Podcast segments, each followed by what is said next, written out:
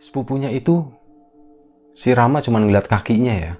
Kakinya dari bawah situ dia berdiri uh, cukup lama beberapa detik di sana berdiri kayak diem doang. Terus nasi sepupunya tuh merunduk gitu. Merunduk nengokin di kolong tempat tidur di mana Rama itu sembunyi. Ditengokin gini eh, dicariin. Dan Rama itu bingung saat ngelihat ekspresi wajahnya si sepupunya itu itu tuh datar banget kayak nggak menemukan apa-apa di sana.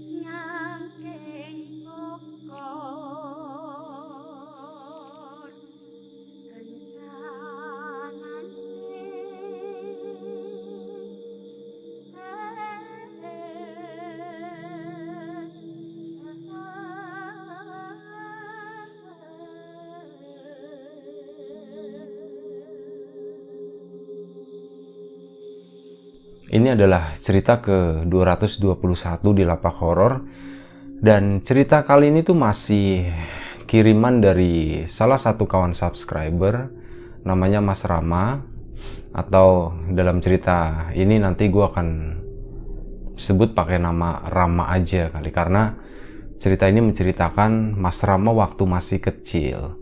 Kejadiannya itu udah lama sekitar tahun 96. Waktu itu Rama masih kelas 1 SMP. Dan Rama itu adalah seorang bapak sama ibunya itu punya usaha warteg.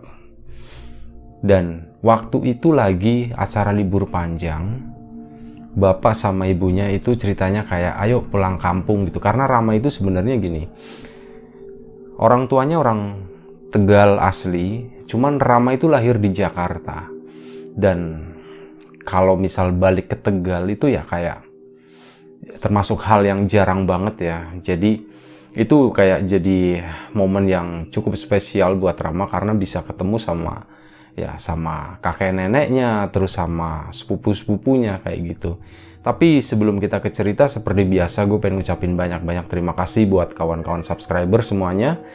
Terima kasih buat kawan-kawan yang udah ngasih support, udah ngasih dukungan. Terima kasih juga buat kawan-kawan yang udah ngasih like, udah nge-share ke yang lainnya. Nggak lupa juga, terima kasih banyak buat kawan-kawan yang udah ninggalin komentar. Terima kasih banyak semuanya. Nah, Rama waktu itu sekeluarga pulang ke Tegal kan, ke rumah kakek neneknya, nengokin ke situ karena kebetulan libur panjang udah dia tinggal di situ ketemu sama sepupu-sepupunya. Ada yang lebih sedikit lebih tua ada yang kebanyakan sih lebih muda ya dari Rama. Dan waktu itu mereka itu ceritanya main petak umpet. Biasalah anak-anak kecil gitu. Di kampung gitu ya main petak umpet. Sementara rumah kakek neneknya itu tuh ada dua sebenarnya. Ada rumah besarnya satu itu rumah aslinya, rumah kakek nenek yang asli, sama satunya itu kayak rumah bangunan baru yang uh, lebih kecil dari bangunan yang utama. Nah, waktu itu mereka tuh main-main di situ. Awalnya sih mereka main main di bangunan yang baru ya, yang lebih kecil di situ main petak umpet situ. Cuman kayaknya kurang seru deh. Uh, tempatnya terlalu sempit gitu dan namanya petak umpet kan biasanya area cakupannya tuh lebih luas gitu ya. Dan ya mereka lah mainlah mereka petak umpet. Waktu itu ada salah satu sepupunya yang kalau istilah di daerah gue istilahnya pakai jadi yang kita nyebutnya cuman jadi gitu ya. Nah jadi tugas dia nanti yang tutup mata nanti dia nyari. Nah Rama itu termasuk salah satu yang ngumpetnya. Dan waktu itu sebenarnya saat mereka main itu beberapa hari sebelumnya itu udah dikasih tahu sama uh, kakeknya kalian boleh main petak umpet, boleh ngumpet di mana aja, tapi jangan ngumpet di kamarnya Simbah ya, jangan ngumpet di bawah ranjang, katanya seperti itu, atau longan. Kalau bahasa Tegal atau mungkin ya beberapa daerah uh, mungkin tahu ya familiar dengan istilah longan itu. Longan adalah kolong ranjang, kolong tempat tidur gitu. Nah itu larangannya itu seperti itu, nggak boleh ngumpet di bawah sana. Alasannya apa? Karena kotor kata simbahnya tuh seperti itu. Udah nyebarlah Rama dan kawan-kawan, ada yang di kamar mandi, ada yang di kamar ini, ada yang kamar itu. Si Rama kelas 1 SMP dikasih tahu seperti itu. Jangan ngumpet di sini. Timbul kayak apa ya? Dia jadi merasa penasaran, jadi merasa tertantang malah dengan peraturan seperti itu. Jadi dia malah ah, jangan ngumpet di sana. Pasti itu adalah tempat paling aman buat ngumpet kata Rama. Katanya nggak bakalan ditemuin nih kata Rama tuh mikirnya kayak gitu udah dia pun ke sana masuk ke kamar uh, simbahnya itu tapi sebelum masuk ya dia sempat nengok-nengok gitu ya kali aja ada simbahnya atau siapa yang ngelihat lah akhirnya di sana sepi nggak ada siapa pun cuman ada beberapa sepupunya aja yang ngumpet di beberapa titik di rumah yang besar itu ke sana masuk dan si Rama langsung merayap masuk ke dalam longan tadi atau kolong ranjangnya si mbahnya itu si kakek neneknya situ. Udah dia masuk ke sana. Dia diem di sana gitu ya. Ya uh, di, namanya di bawah kolong tempat tidur ya itu kan pasti gelap dan memang agak berdebu gitu. Ternyata Rama wah yang bener juga ternyata banyak debunya di sini gitu. Apalagi kan kayak ranjang dulu itu kan pakai kasurnya kasur kapuk. Nah kan biasanya suka ada yang serabut-serabut lembutnya itu juga pada berjatuhan gitu kan. Nah itulah itulah yang debunya tuh debu seperti itu kata Rama udah dia ngumpet di situ sampai akhirnya si Rama itu ngedenger suara sepupunya yang jadi tadi ya itu udah mulai nyari di area rumah yang besar itu. Setelah beberapa sepupunya udah ketahuan ya udah ketangkep. Wah kamu dapat gitu dapat dapat gitu. Nah sampai akhirnya si sepupunya itu masuk ke dalam rumah itu. Mulai kedengeran nih suaranya nih. Mana ya mana ya? Ayo dong di mana dong di mana dong? Kayak gitu nyari kayak gitu. Nah udah dicariin. Sampai akhirnya suara itu tuh makin deket makin deket. Ketangkep lagi lah salah satu sepupunya yang ya apa namanya kayak sembunyi di balik lemari kayak gitu. Wah kamu dapet. Wah si Rama udah makin wah makin deket nih makin di, deket nih. Pasti nggak bakalan nyari ke sini kata Rama tuh kayak gitu. Udah uh, si sepupunya terus nyariin muter-muter muter gitu. Terus tinggal si Rama nih si Rama mana? Si Rama nggak ngumpetnya di mana ya? Kira-kira aku nggak ketahuan. Dia yang paling lama nih paling susah nih. Ram ayo dong Ram keluar gitu. Ya Rama nggak mau keluar dong disuruh keluar kayak gitu. Akhirnya si sepupunya ngobrol-ngobrol gitu ya sama beberapa orang yang udah dapat itu di mana ya kira-kira? Ya mungkin di situ kali di kamarnya Simba coba deh cari di situ. Nah sepupunya pun masuk ke kamar Simba itu. Dia masuk coba cari di balik pintu di balik kayak lemari di pojokan ruangan situ. Ternyata nggak ada dan akhirnya terakhir sepupunya itu si Rama cuma ngeliat kakinya ya. Kakinya dari bawah situ dia berdiri uh, cukup lama beberapa detik di sana berdiri kayak diem doang. Terus nasi sepupunya tuh merunduk gitu. Merunduk nengokin di kolong tempat tidur di mana Rama itu sembunyi. Ditengokin gini eh, dicariin. Dan Rama itu bingung saat ngelihat ekspresi wajahnya si sepupunya itu. Itu tuh datar banget kayak nggak menemukan apa-apa di sana udah cuman ngelongok gini sebentar terus udah sepupunya berdiri lagi balik lagi keluar. Nggak ada eh di kamarnya si mbah di kolongnya nggak ada juga. Bah akhirnya di situ udah sepupunya pada ribut sendiri kan di mana ya di mana ya? Coba cari lagi deh cari lagi keluar keluar. Akhirnya mereka pun keluar. Rama yang ada di kolong tempat tidur tadi itu bingung dia. Dia cuman diem di sana sendirian. Ini kenapa sih? Ini si sepupunya itu nggak bisa ngelihat aku ya katanya. Emang nggak kelihatan gitu? Perasaan ada kok aku masih kelihatan. Nah Rama tuh cuman diem di sana aja. Sampai akhirnya dia mikir ah kayaknya udah kelamaan dia aku mau keluar aja gitu kata si Rama. Dan anehnya begitu Rama itu mau keluar mau merayap itu dia udah merayap kayak gini. Tapi rasanya tuh nggak nyampe-nyampe. Dia tuh masih diem di tempat kayaknya apa longan itu kolong itu tuh kayak jadi jauh banget. Dia ngerayap mau ngerayap secepat apa pun itu nggak nyampe nyampe jadi cuman dia stay di situ aja cuman diem stuck di situ gitu. Dan akhirnya dia kayak mulai ketakutan gitu ini kenapa ya? Kenapa aku nggak bisa keluar? Katanya seperti itu. Dan dia udah akhirnya dia cuma tiduran kayak gini doang di bawah kolong sampai akhirnya Rama itu ngerasa kayak ada sesuatu yang megang di bagian tangan sini bagian kanannya ada yang megang begini. Nah di situ Rama makin ketakutan. Dia coba gini ya sambil nengok gitu. Di situ Rama tuh teriak-teriak dia nangis. Dia tuh melihat ada tangan besar warnanya hitam. Katanya sih kukunya lancip-lancip kayak gitu itu lagi megang Rama kayak gini. Jadi kalau posisi Rama lagi tiduran begini ya kemungkinan posisi dia juga sama kayak gitu meluk dari belakang gitu sampai di dadanya sini. Rama nangis di situ tapi anehnya itu kayak nggak ada orang yang denger sama sekali. Nggak ada satupun orang yang datang ke kamar itu. Dia udah teriak-teriak gitu ya dan dia badannya tuh nggak bisa gerak sama sekali. Udah cuman kayak gini doang kayak dikunci gitu. Sampai akhirnya si sosok tadi si sosok hitam tadi itu kayak neken dadanya agak kenceng.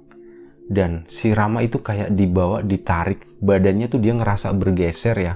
Bergeser mundur kayak nembus tembok kayak gitu. Bes. Dan si Rama itu anehnya itu kayak berada di sebuah pohon. Dia berdiri di sana. Dan Rama itu tahu pohon itu itu adalah pohon di belakang rumah kakek neneknya itu ada pohon apa ya? Aduh nggak disebutin juga pohonnya apa. Pokoknya pohon yang cukup besar disebutnya cuma cukup besar ya. Dia berdiri di situ dan kagetnya lagi. Si Rama pas nengok begini dia itu nangis lagi dia teriak-teriak lagi. Dia ngelihat sosok hitam tadi sosok hitam kepalanya botak.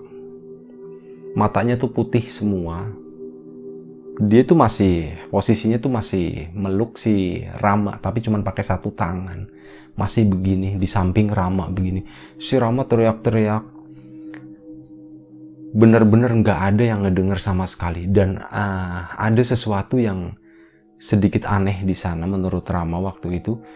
Jadi itu kan masih siang ya. Anehnya si Rama itu ngerasa itu lebih gelap suasananya. Itu kayak suasana-suasana kayak menjelang mau maghrib ya.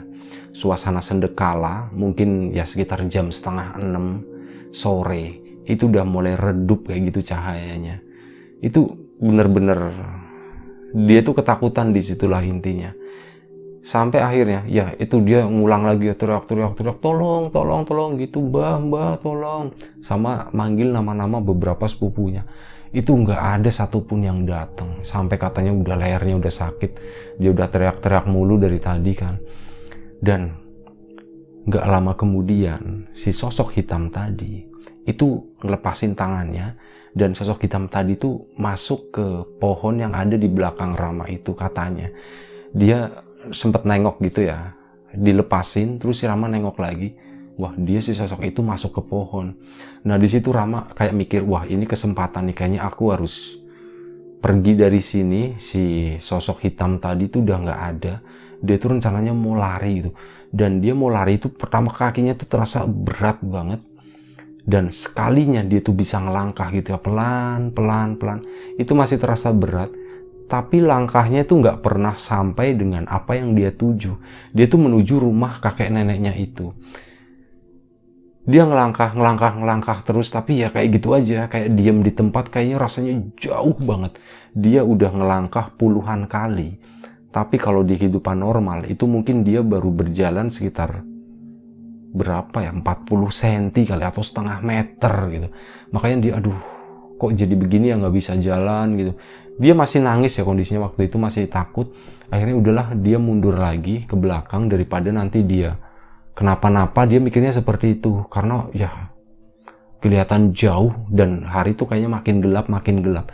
Akhirnya dia mundur lagi deket pohon situ dan si sosok hitam tadi itu muncul lagi di samping Rama. Dan dia megang gini lagi uh, di sini ya sorry di pundaknya. Pundaknya Rama begini dipegang dan si Rama tuh ditarik zep dia tuh kayak masuk ke dalam pohon setelah masuk ke dalam pohon Rama tuh kayak tiba-tiba apa yang dilihat apa yang ada di depan mata dia itu tuh semuanya berubah masih di tempat yang sama sebenarnya dia itu tahu ini kebunnya kakek neneknya, rumahnya masih kelihatan, pohonnya masih ada, tapi memang ada sedikit yang berubah di sana. Bukan sedikit ya. Kalau lingkungannya memang ada sedikit yang berubah, katanya beberapa pohon yang aslinya ada, tapi di situ nggak ada. Yang aslinya nggak ada, di situ ada. Plus di sana itu itu tiba-tiba rame kayak orang berniaga, rame kayak orang berdagang. Dan si Rama itu masih dipegang sama si sosok hitam itu di sininya. Itu dipaksa kayak jalan, ayo jalan. Dan si Rama itu ngikutin jalan, nyusurin itu tadi. Itu mirip kayak pasar tradisional, tapi bener-bener pasar yang udah lama banget lah. Apa ya, kayak bukan pasar-pasar tradisional yang sekarang gitu kan, itu udah banyak tutup-tutupnya ya. Itu tuh nggak sama sekali. Itu masih banyak kayak uh, ibu-ibu atau nenek-nenek yang jualan tuh kayak pakai bakul-bakul kayak gitu. Itu bener-bener kayak pemandangan dulu banget.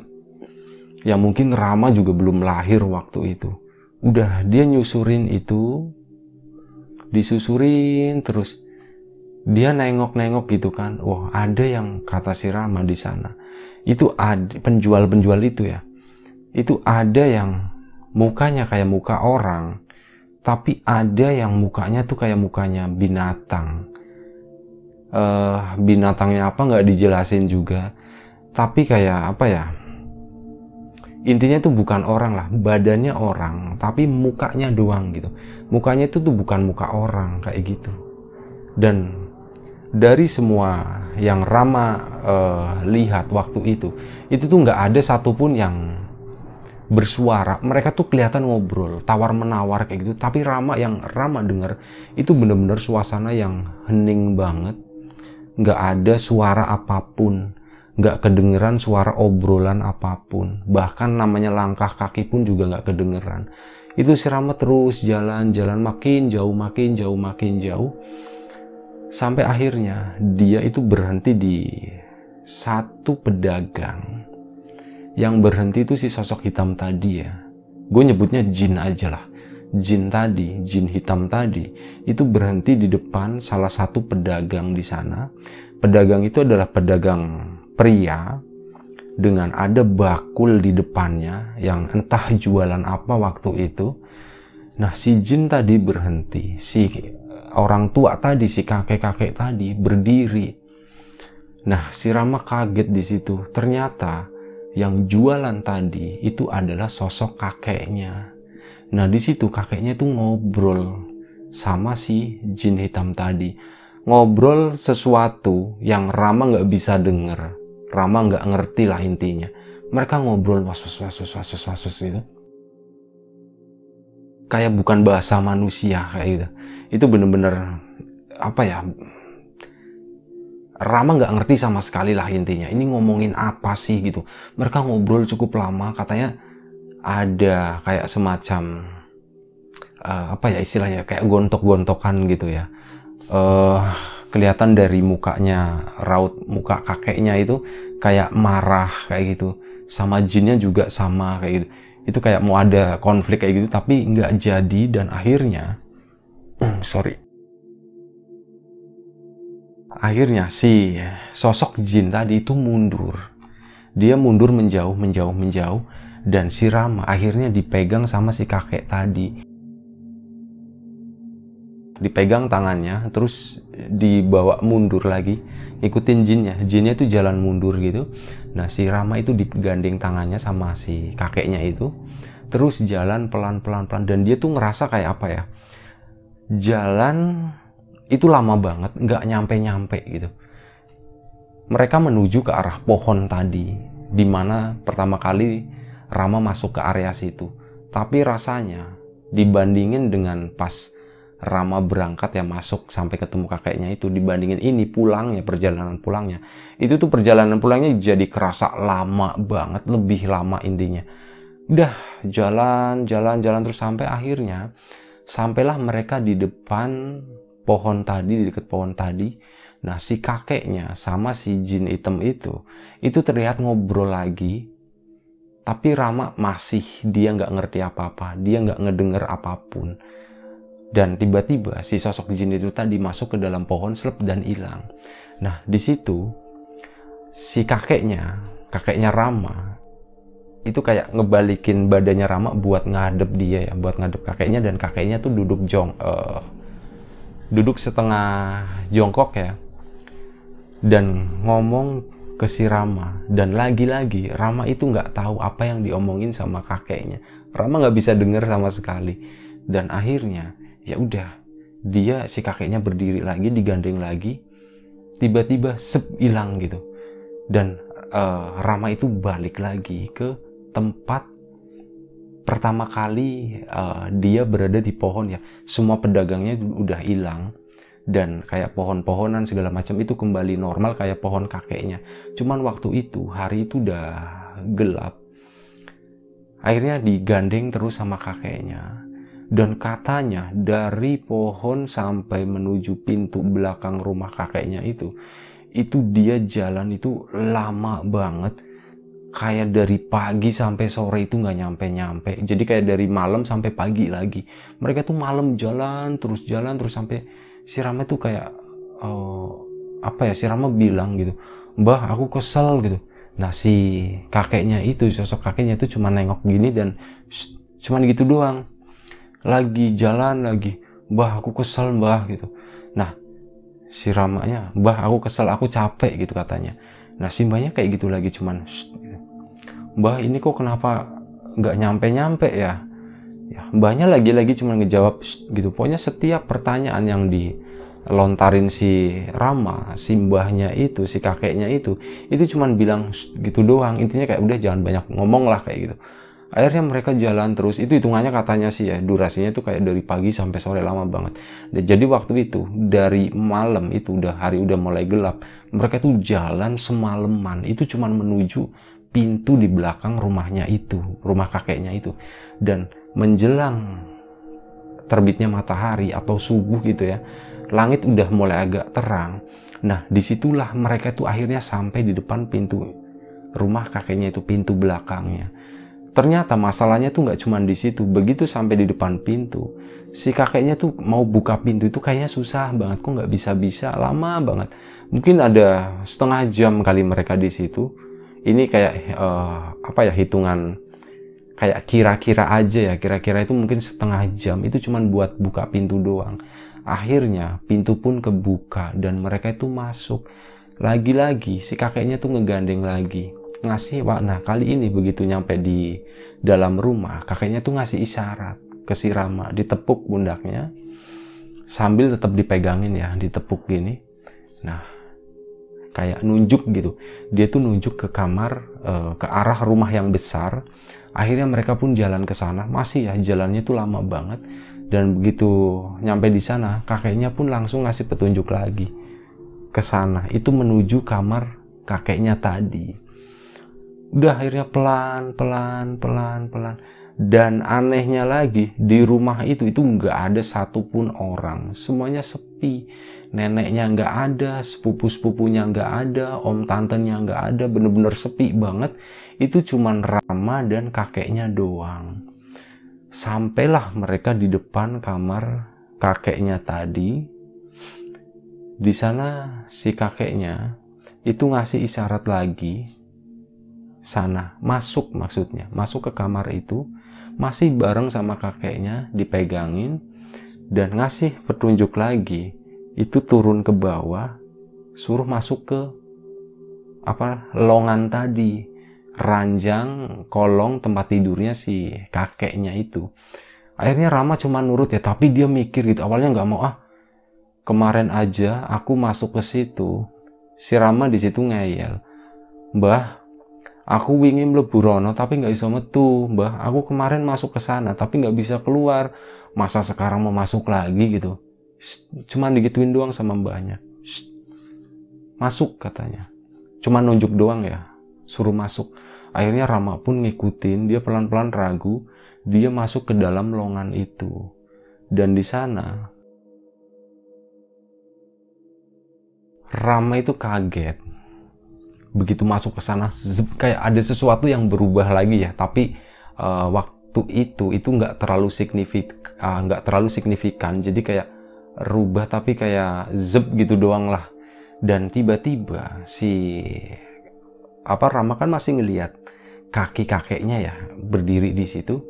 Nah waktu itu pas berdiri si kakeknya tiba-tiba ngelongok gini. Nah itu si Rama udah ketemu katanya kayak gitu dan si Rama kaget banget lah.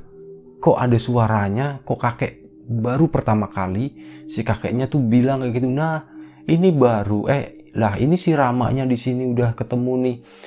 Dan di situ berbarengan dengan suara kakeknya itu, Rama juga ngedenger suara kayak uh, apa ya riuh orang-orang yang ada di luar kamar situ mana mana mana mana mana gitu nah di situ bapak ibunya itu datang ikut nengokin gitu alhamdulillah gitu Rama Rama sepupunya juga pada nengokin om tantenya uh, neneknya akhirnya nengokin semua. Sini sini sini sini keluar. Metu metu metu metu rene rene kata kakeknya. Sini keluar. Akhirnya Rama pun dengan ragu ya dia masih ngerayap kayak gini dia tuh ragu dia bingung gitu. Apa sih yang sebenarnya terjadi semalaman kemarin? Kok jadi aneh gitu ya? Kemarin nggak ada yang bisa ngelihat dia. Tingkah kakeknya yang nggak banyak omong tapi hari itu balik lagi ke kakeknya yang ya boleh dibilang cukup cerewet ya. Kayak gitu, sini sini sini sini, kamu ke mana aja katanya. Udah seminggu kamu hilang katanya. Kata si kakeknya, wah seminggu mbah gitu. Iya kamu udah seminggu gitu. Ingat nggak? Simbah bilang apa? Ojo umpetan ning longan gitu. Jangan ngumpet di kolong tempat tidur kata kakeknya tuh Nggih mbah ngapunten mbah nggih. Iya mbah maaf ya mbah ya. Iya jangan diulangi ya. Ini buat semuanya nih. Jangan ngumpet di kolong tempat tidurnya kakek katanya seperti itu. Nanti bisa hilang kayak Rama gitu. Dan ternyata udah akhirnya di situ kamu lapar nggak? Lapar mbah katanya. Haus ndak? Haus mbah. Akhirnya udah dikasih minum, dikasih makan. Didimin dulu tuh sama simbahnya. Simbahnya juga ngasih tahu ya udah jangan banyak nanya dulu nanti dulu biar dia itu kecapean kata simbahnya itu. Udah Rama makan sambil duduk istirahat. Nah di situ tuh di kayak dikerumunin ya beberapa tetangganya juga ikut ngeliat di situ. Mulai dia ditanya-tanya Ram ke mana aja? gitu. Kemarin Rama sepupunya kamu ke mana aja sih? Kemarin kita cariin nggak ketemu ketemu gitu. ya si Rama bilang aku kemarin ngumpet di situ dan nggak tahu diceritain lah semuanya. Termasuk ketemu jin hitam ya. Masuk ke pasar terus ketemu kakeknya. Digandeng sampai pulang ke situ. Itu diceritain semua dan sepupunya tuh bingung. Kamu tahu nggak kamu udah hilang berapa hari katanya? Nggak tahu. Udah seminggu tahu. Wah serius? Iya beneran. Seminggu. Kamu hilang katanya. Akhirnya bener yang lain juga ngakuin kayak gitu. Ya bener ram. Kamu udah hilang selama satu minggu ram itu udah dijelasin ya Rama masih bingung ya antara percaya dan nggak percaya dengan apa yang pernah dia alami semalam kemarin. Dan alhamdulillahnya akhirnya dia tuh bisa balik lagi ke situ. Jadi menurut kakeknya makanya tadi kan pesen. Makanya nih jangan nurut sama uh, omongan orang tua mungkin ya kalian anak-anak muda nggak percaya dengan hal seperti itu tapi kejadian kan? Jadi itu di kolongnya kakek tapi waktu itu cuma ngomong sama sepupu-sepupunya cuma sama keluarga internal aja ya tetangga itu udah pada pulang. Diceritain jadi di kolongnya mbah ini itu tuh ada kayu. Di sana tuh lihat di pojokan itu itu ada kayu. Nah kayu itu tuh ya intinya apa ya uh, sebenarnya nggak dijelasin secara gamblang sama si kakeknya Rama. Jadi cuma ya kayu itu tuh ada yang jagain katanya kayak gitu, ada jinnya gitu. Jinnya tuh suka iseng. Kayak gitu suka ngumpet-ngumpetin anak kayak gitu. Dan kayu itu tuh susah banget. Sampai sekarang itu kakek nggak bisa ngebuang. Jadi udah biarin di situ aja. Makanya kakek pesen sama kalian semua nih cucu-cucu kakek sama siapa pun yang ada di sini tuh jangan pernah ngumpet di sana. Katanya seperti itu. Dan alhamdulillah Rama pun selamat semuanya selamat. Dan ya ada pelajaran yang bisa diambil sama Rama waktu itu. Kurang lebih seperti itu ceritanya. Gue sambil mikir-mikir kira-kira apa ya yang terlewat ya. Kayaknya sih nggak ada. Ya semuanya udah clear kayaknya udah kesampaikan udah tersampaikan semua ceritanya. Terima kasih buat Mas Rama yang udah kirim ceritanya yang menurut gue pengalaman yang sangat berarti ya. Kita dikasih kesempatan melihat sesuatu yang kebanyakan orang itu nggak bisa lihat. Itu adalah suatu hal yang luar biasa banget adalah suatu anugerah gitu. Terima kasih banyak buat Mas Rama. Terima kasih banyak buat kawan-kawan uh, penonton semuanya gue juga ngucapin banyak terima kasih gue mohon maaf misal ada sesuatu yang nggak nyaman ada sesuatu yang nggak asik saat ngebawain cerita ini ya harap dimaklumi dan itu aja sih Terima kasih banyak. Jaga kesehatan kawan-kawan semuanya. Assalamualaikum warahmatullahi wabarakatuh.